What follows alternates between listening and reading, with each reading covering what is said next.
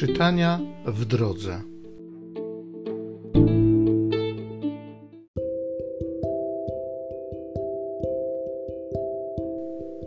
Z księgi proroka Daniela.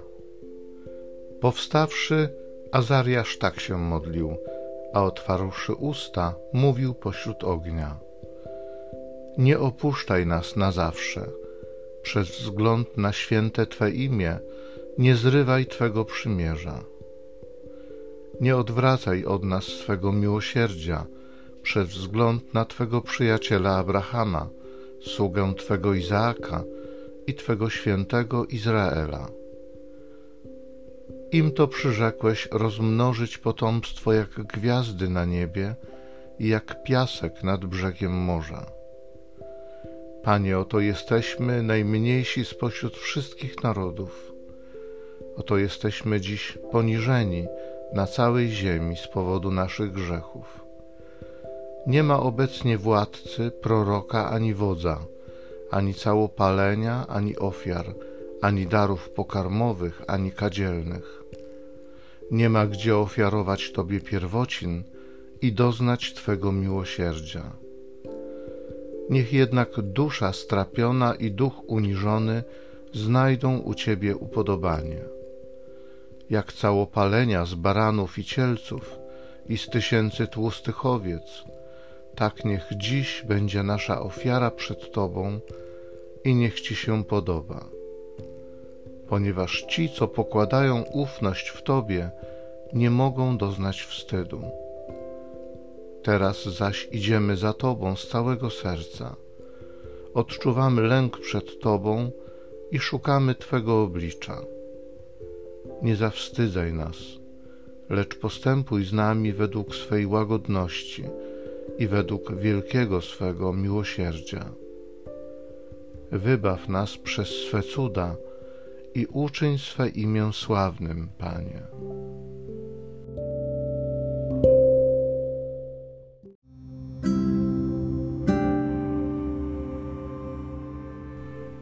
Z Psalmu 25 Pamiętaj o nas, miłosierny Panie.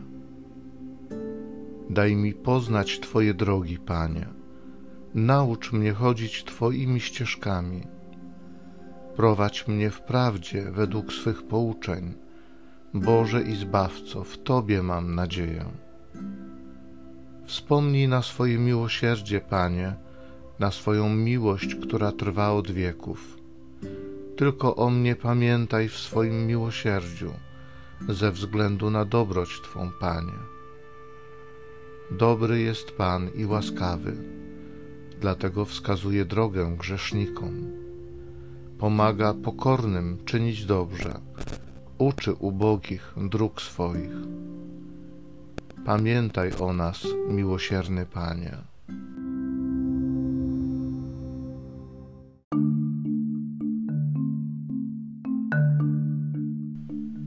Nawróćcie się do Boga waszego. On bowiem jest łaskawy i miłosierny.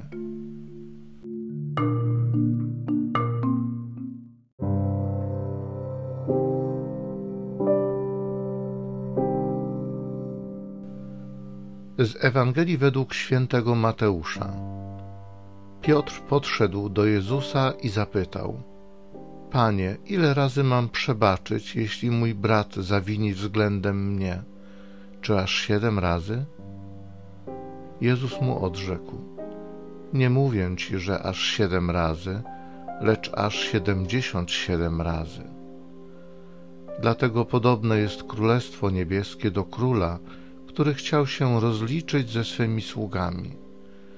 Gdy zaczął się rozliczać, przyprowadzono mu jednego, który był mu winien dziesięć tysięcy talentów.